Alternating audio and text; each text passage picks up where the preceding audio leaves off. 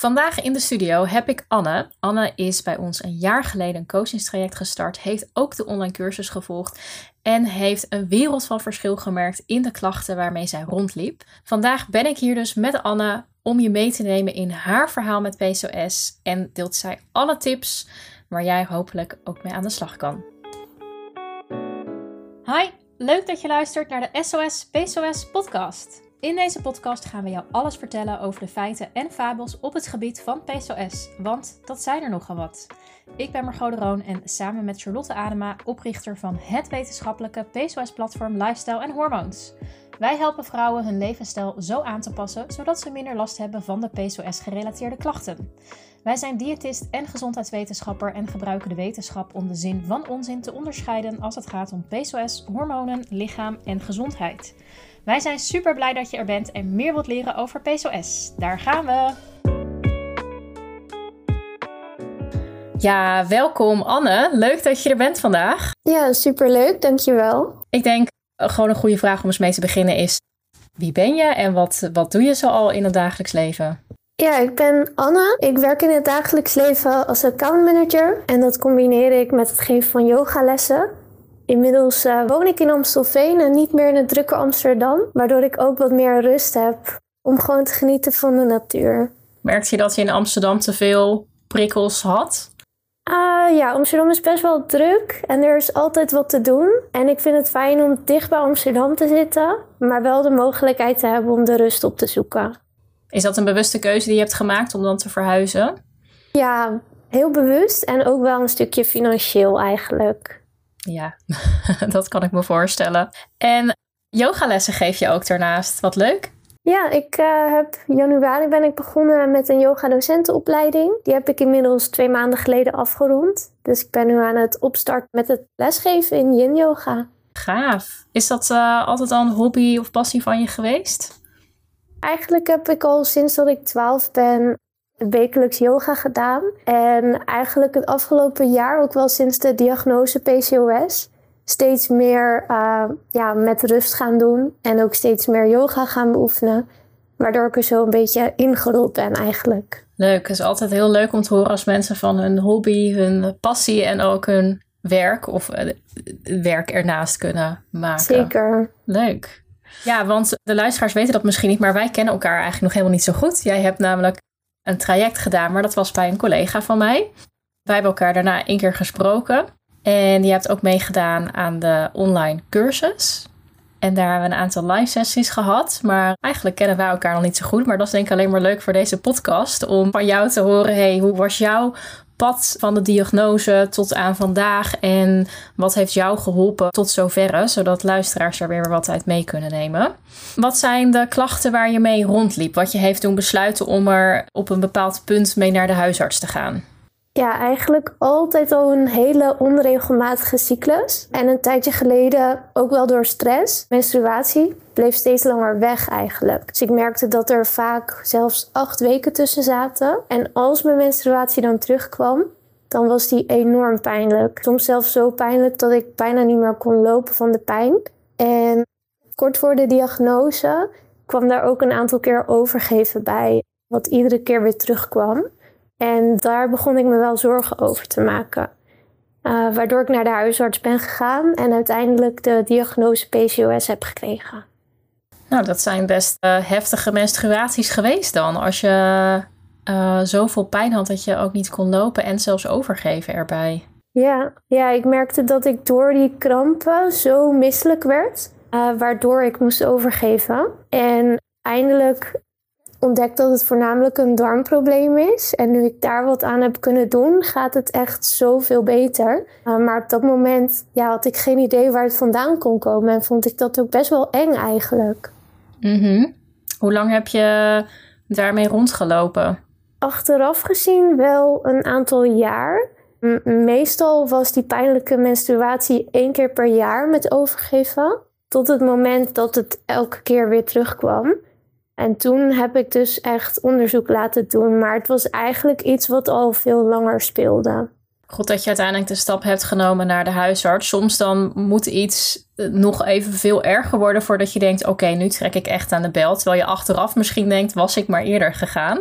Ja, in het begin vond ik dat echt te spannend. Totdat de klachten inderdaad zo erg werden dat ik eigenlijk niet meer anders kon. Ja, dan lopen we toch vaak lang door hè, met klachten. Omdat we denken, nou ja, het hoort erbij. Of ik moet hier maar mee leren leven. Of ik moet me misschien iets aanstellen. Wat als ik naar de huisarts ga, die ziet me ook wel weer aankomen. Nou ja, dat zijn van die gedachten die ik vaak hoor van vrouwen. Waardoor ze wat langer wachten met naar de huisarts stappen. Maar uiteindelijk altijd goed om daar naartoe te gaan. Wat kreeg je bij de huisarts te horen toen je daar aankwam met deze klachten? Ik merkte eigenlijk dat mijn huisarts niet heel veel kennis van PCOS had. Ik moest er echt zelf om vragen, eh, om daar specifiek op te laten onderzoeken. Gelukkig is het in mijn familie bekend, waardoor ik iets sneller de diagnose kon krijgen. Ehm, maar ik merkte wel dat de huisarts heel snel richting pijnbestrijding ging. Um, dus mij voorstelde om wat medicatie te nemen, eventueel ook aan de pil te gaan om de klachten te beperken. En dat was niet per se waar ik naar op zoek wilde, nog voordat de diagnose gesteld was. Ik wilde graag weten waar mijn klachten vandaan kwamen en wat ik kon doen om dat te verminderen. Ja, maar PCOS was dus wel al bij jou bekend? Je had al vermoeden van, oh, misschien is dit PCOS. Ja, zeker. Ja, dus ik kwam echt specifiek met de vraag: ik wil me laten onderzoeken op PCOS. En voordat hij mij doorverwees naar de gynaecoloog, uh, was er eerst een heel gesprek over pijnbestrijding en medicatie. Ja, zeker omdat je die heftige krampen had. Dat is iets wat uh, niet per se een kenmerk is van PCOS. We weten inderdaad die cyclus, als die onregelmatig is, dat is een typisch kenmerk. En we zien dan ook vaker dat als je cyclus heel lang, je menstruatie heel lang uitblijft, dat de menstruatie die daarop volgt wat heftiger kan zijn.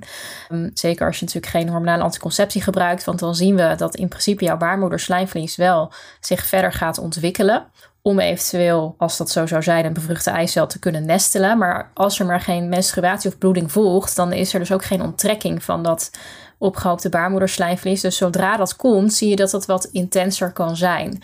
Maar dit zijn inderdaad wat heftigere klachten. Dus ik denk ook logisch dat een huisarts nadenkt: oh, dat is pijn. En pijn kunnen we bestrijden met, ja, met pijnmedicatie, pijnstillers. Mm, wat, heb jij toen, uh, wat heb je toen gedaan met dat advies?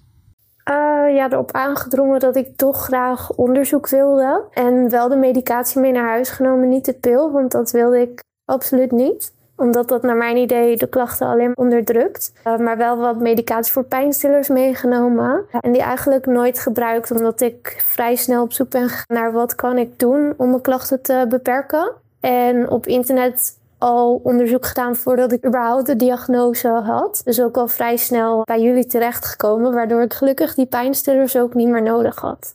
Fijn. Ben je uiteindelijk ook nog bij een gynaecoloog geweest? Ja, ik ben nadat ik bij de huisarts ben geweest naar de gynaecoloog gegaan. En daar hebben ze ook uh, inwendig een echo gemaakt om te kijken ja, hoe het eruit ziet. Om te zien of ik inderdaad PCOS heb. En daar zijn wel meerdere eiblaasjes gevonden, maar geen kystes.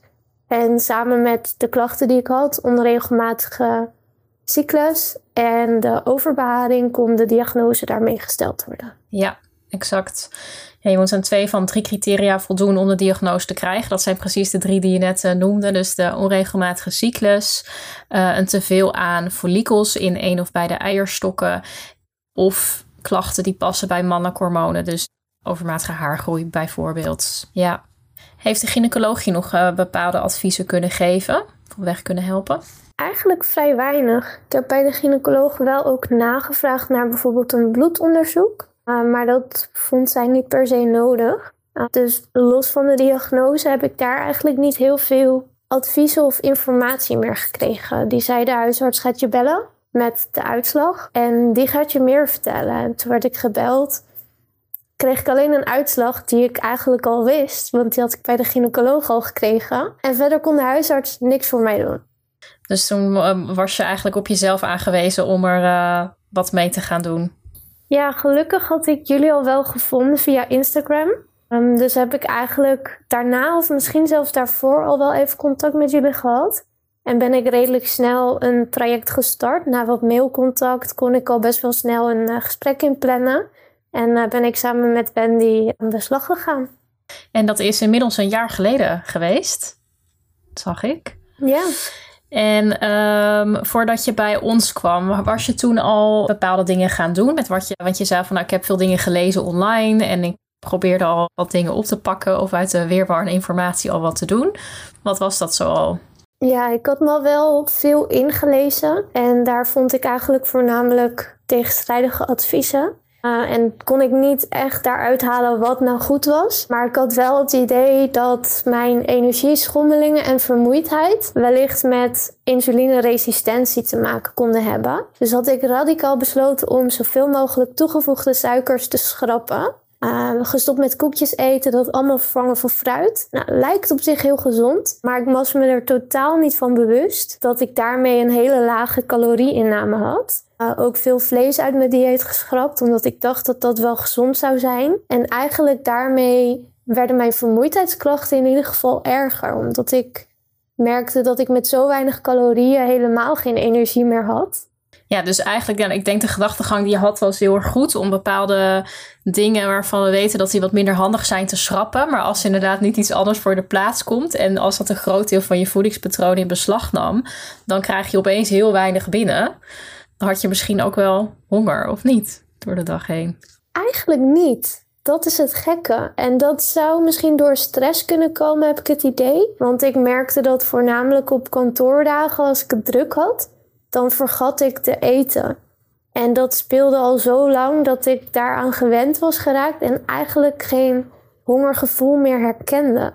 Dus dit was wat je was gaan doen voordat je een traject bij ons was begonnen. En toen ben je aan de slag gegaan uh, bij ons. Heb je de hulp ingeschakeld. En uh, is Wendy naar jouw voedingspatroon gaan kijken naast jouw intakeformulier. Waar we uitvragen naar alle klachten waar je op dat moment last van ervaarde. Kan je nog herinneren hoe, die, hoe de start was van het traject? Ja, zeker. Ik had eerst sowieso een kennismaking met Wendy, telefonisch. En dat vond ik heel erg fijn, omdat daar al direct advies gegeven werd. Maar ook heel erg gekeken werd naar mij als persoon. En mijn situatie en wat voor mij wel of niet haalbaar zou zijn. En vanuit daar hebben we een plan opgesteld voor een traject dat bij mij past. En kon ik eigenlijk al redelijk snel aan de slag met de eerste aanpassingen. En dat startte dan met een voedingsdagboek bijhouden. Uh, dat was voor mij wel even een schokkende ervaring, omdat ik daarin dus echt kon terugzien hoe ernstig dat calorietekort of voedingswaardetekort eigenlijk was. Omdat ik daarin dan ja, ik zat terug te kijken en het was geloof ik rond de 800 calorieën wat je binnenkreeg. Ja, dat is... Ja, ja, dat was niet best inderdaad. En het was ook niet één dag. Dat was een soort van standaard. Wat ik zelf niet eens door had. Ik dacht dat ik gewoon voldoende at. Maar ik merkte wel dat ik aan het einde van de dag zo moe was. Dat ik niet eens meer energie had om avondeten te maken. En maar meteen ging slapen. Dus dat verklaarde eigenlijk al wel een hoop. Maar toch uh, was ik me op dat moment zonder die app om dat bij te houden niet zelf bewust van. Klopt, dat is iets. Uh wat we meestal vragen om te doen, iedereen die bij ons gaat starten, uh, vragen we om de voeding eens bij te houden voor een aantal dagen. Precies ook voor een stukje bewustwording van wat je eigenlijk binnenkrijgt. En heel veel vrouwen het idee van, oh, maar dan gaan jullie kijken wat ik allemaal voor slechte koekjes en chocolaatjes eet. Nou, die eet iedereen.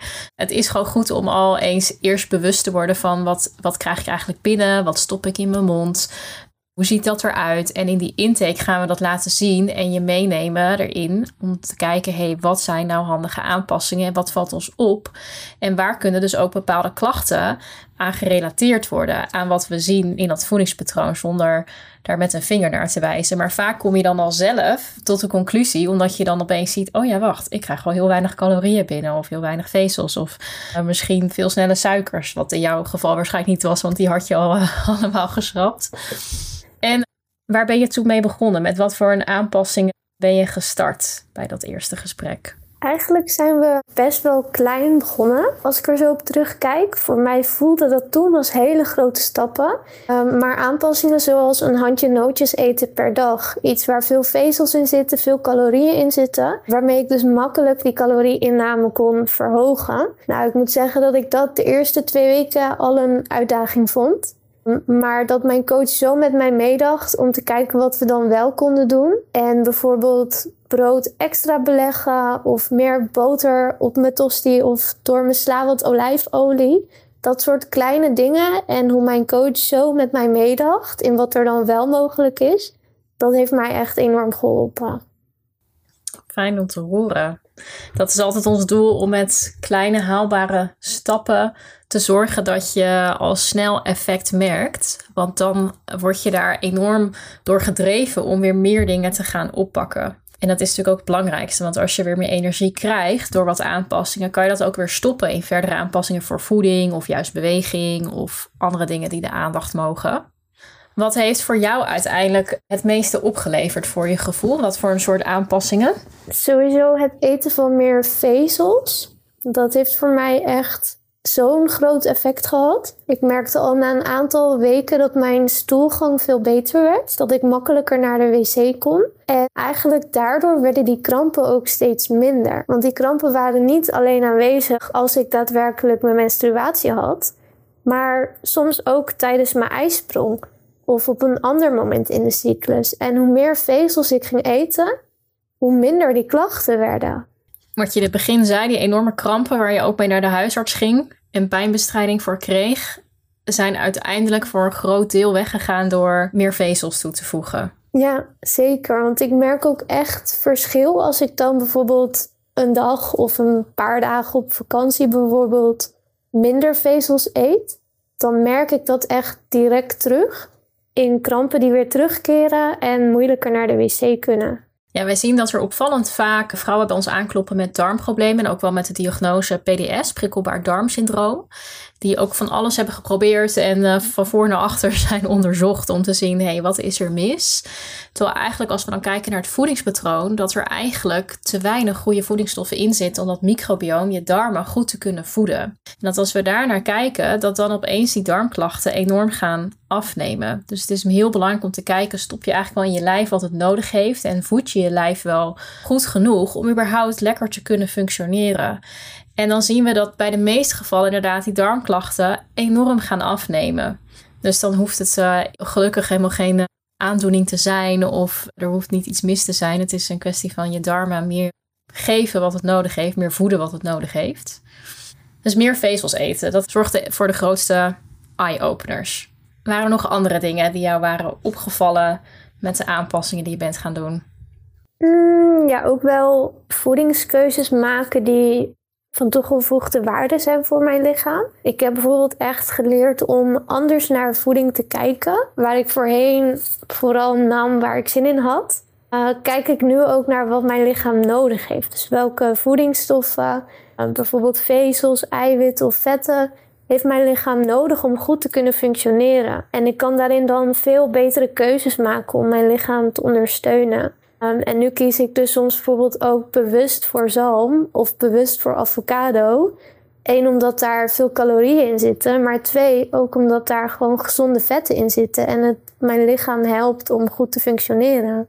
En dat is interessant wat je zegt. Er zitten veel calorieën, dus dat is goed voor mij. En ik denk dat heel veel vrouwen die luisteren denken... Calorieën, dan moet je toch juist niet te veel binnenkrijgen. Maar uh, in jouw geval, jij hoeft helemaal niet gewicht te verliezen calorieën hebben een hele slechte naam. Het lijkt alsof als je er maar minder van binnenkrijgt dat dat beter is. Maar in jouw geval heeft het dus laten zien dat je dan juist meer klachten kan krijgen. En dat je juist wat hoger moest gaan zitten in wat je binnenkrijgt. En dat vooral uit voedingsmiddelen laten bestaan die van toegevoegde waarde zijn voor je gezondheid. En als we dan kijken naar producten dat een goede keuze zou zijn, is dat inderdaad dingen als avocado, olijfolie, zalm, andere vissoorten, noten, zaden, pitten. Die bevatten allemaal de goede vetzuren. Die zijn super belangrijk. En zorgen inderdaad ook voor dat je wat meer calorieën binnenkrijgt. Zeker als dat juist lastig is. Want er zijn inderdaad ook een hoop dames die juist moeite hebben met het binnenkrijgen van voldoende voedingsstoffen en calorieën. En dan is dat heel erg uh, raadzaam. En uh, naast voeding, je noemde in het begin ook al stress, dat dat wel een grote rol waarschijnlijk heeft gespeeld. Heb je daar iets in het traject mee kunnen veranderen? Zeker, ja. Ik ben me veel bewuster geworden van mijn stress en waar het vandaan kwam. En het was ook echt wel gerelateerd aan een baan waarin ik niet naar mijn zin had. En daar ben ik eigenlijk al vrij snel aanpassingen in gaan doen. Dus ik heb mijn baan opgezegd. Ik ben verhuisd naar een andere plek waar het wat rustiger is. Een baan die beter bij mij past. Om zo mijn stress te kunnen verminderen. En eigenlijk bijna alles om te gooien om een leven te creëren wat beter bij mij en PCOS past. Wauw. Dat zijn grote aanpassingen geweest. Zeker, ja. Maar het heeft ook wel het gewenste effect gehad. Knap, knap dat je dat bent gaan doen. Want een baan, dat is vaak het, ja, dat is zo'n rigoureus besluit om dat uh, op te zeggen en om te gooien. Maar ook waar je woont. Dus wel heel knap dat je inderdaad zegt: Ik ben eigenlijk uh, het roer gaan omgooien om inderdaad een, een leefstijl te creëren, een omgeving die mij gaat helpen. En dat kunnen hele lastige besluiten zijn om te nemen, maar dat kan heel erg positief uitpakken. En soms is dat nodig om inderdaad te zorgen dat je klachten verminderen. Met voeding kan je ontzettend veel doen. Maar als het echt gaat om de balans tussen stress en ontspanning, dan zijn dat nog veel meer dingen die ermee gepaard gaan. En het grootste deel is inderdaad vaak werk, je omgeving, waar je woont, wat je doet in je vrije tijd. En als je daarin ook stappen wilt nemen om dat aan te passen, ja, dan uh, heb je denk ik alles te pakken om een leefstijl te creëren die het beste bij jouw lijf aansluit. Zijn er nog uh, andere dingen die je hebt gemerkt tijdens het traject aan je lijf, je lichaam, je hormonen, je mentale gezondheid? Ja, zeker. Mijn lichaam is ook echt wel veranderd. En in het begin had ik daar best wel wat moeite mee, omdat ik merkte dat ik natuurlijk meer calorieën ging eten. Uh, en meer vezels en meer vetten. En dat ging ik op een gegeven moment ook wel merken in mijn lichaam die wat ging groeien. Wat op zich in mijn geval echt niet erg is. Er mocht best wel wat bij. Maar in het begin vond ik dat wel lastig om te wennen aan, aan een nieuw lichaam en te merken dat kleding die ik al jaren droeg niet meer paste. En inmiddels ben ik er wel weer aan gewend en voel ik me ook weer helemaal thuis in het lichaam dat ik nu heb. Maar dat was wel even, even moeilijk af en toe.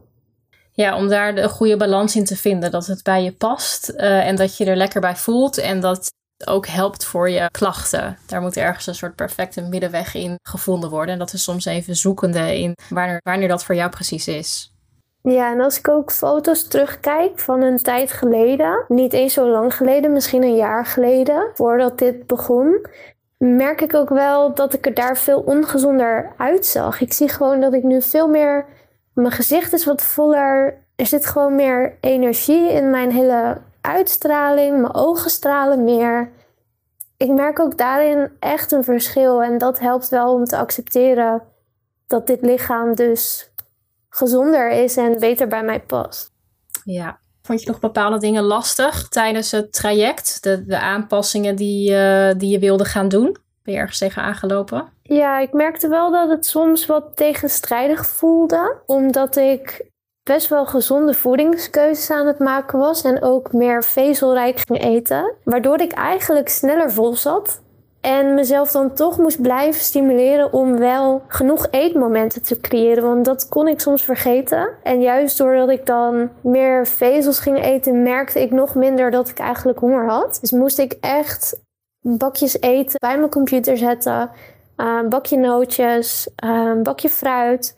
Om mezelf eraan te blijven herinneren dat ondanks dat ik een drukke dag heb, dat ik niet moet vergeten om te blijven eten. Ja, dat is interessant hè, dat als je helemaal ergens in opgaat, dat dat hongergevoel, dat hongersignaal helemaal niet uh, naar boven komt. dan uh, ja, zo herkenbaar. Kan je gewoon doorgaan en dan opeens thuis in de avond, dan komt opeens die vermoeidheid of die craving. Omdat je opeens merkt dat je lijf veel te weinig heeft binnengekregen om uh, nou ja, wat het nodig heeft gehad om die dag kunnen, te kunnen leveren en te doen. Wat zijn de dingen die je tegen andere vrouwen met PCOS zou willen zeggen, waar zij misschien wat aan kunnen hebben? Ja, blijf vooral vertrouwen hebben dat het goed komt. En geloof erin dat er echt wat aan je klachten te doen is. Misschien merk je niet direct een positief effect na een paar dagen. Maar geef je lichaam ook even de tijd om te wennen aan de aanpassingen. Eventueel met kleine stapjes als dat nodig is. En dan weet ik bijna zeker dat je daarna erop terug kan kijken. Wow, wat is er eigenlijk veel veranderd. En hoe gaat het nu met jou een jaar nadat je met ons traject bent gestart? Ja, het gaat heel erg goed. Ik merk dat mijn menstruatiekrampen eigenlijk helemaal weg zijn. Oh, ik heb ze al een tijd niet meer gevoeld. En soms zie ik zelfs dat mijn menstruatie ineens komt zonder dat ik het verwacht. Juist omdat ik het ook niet meer voel aankomen. Omdat die pijn weg is. En laatst was het zelfs na 31 dagen dat ik weer ongesteld werd. Dat was voor mij zo'n bijzonder moment, omdat mijn lichaam dan eindelijk weer binnen gewone periode waarin een cyclus hoort plaats te vinden, zelf kan starten met die menstruatie zonder dat daar heel veel weken tussen zitten. Dat was zo'n bijzonder moment om dat te ervaren, dat mijn lichaam nu zoveel meer in balans is. Daar ben ik echt heel erg dankbaar voor. We zijn heel blij dat we jou op deze weg hebben kunnen en mogen helpen. En dat je een betere balans hebt gevonden, niet alleen eh, lichamelijk en mentaal, maar ook hormonaal dat zich dat heeft mogen uiten en dat je er uh, zoveel aan hebt gehad. En ik denk dat dit verhaal mega inspirerend is voor andere vrouwen met PCOS om toch ook de stap te zetten naar een therapeut, een specialist, een diëtist om eens te kijken naar wat voeding en leefstijl kan gaan doen voor hen. Dankjewel voor de podcast. Gedaan. Dankjewel voor de uitnodiging. Ik vond het heel leuk om mijn verhaal zo te kunnen delen. En ik hoop dat andere vrouwen met PCOS er ook wat aan hebben. Vast en zeker. Heb jij genoten van deze podcast en wil je graag meer weten? Ga dan naar onze website www.lifestyleenhormoons.com of volg ons Instagram-account Lifestyle Hormoons voor meer tips en informatie over onze diensten en producten. De informatie in deze podcast is informatief van aard en op geen enkele manier medisch advies of vervanging van medisch advies. Neem bij twijfels en klachten altijd contact op met een medisch professional.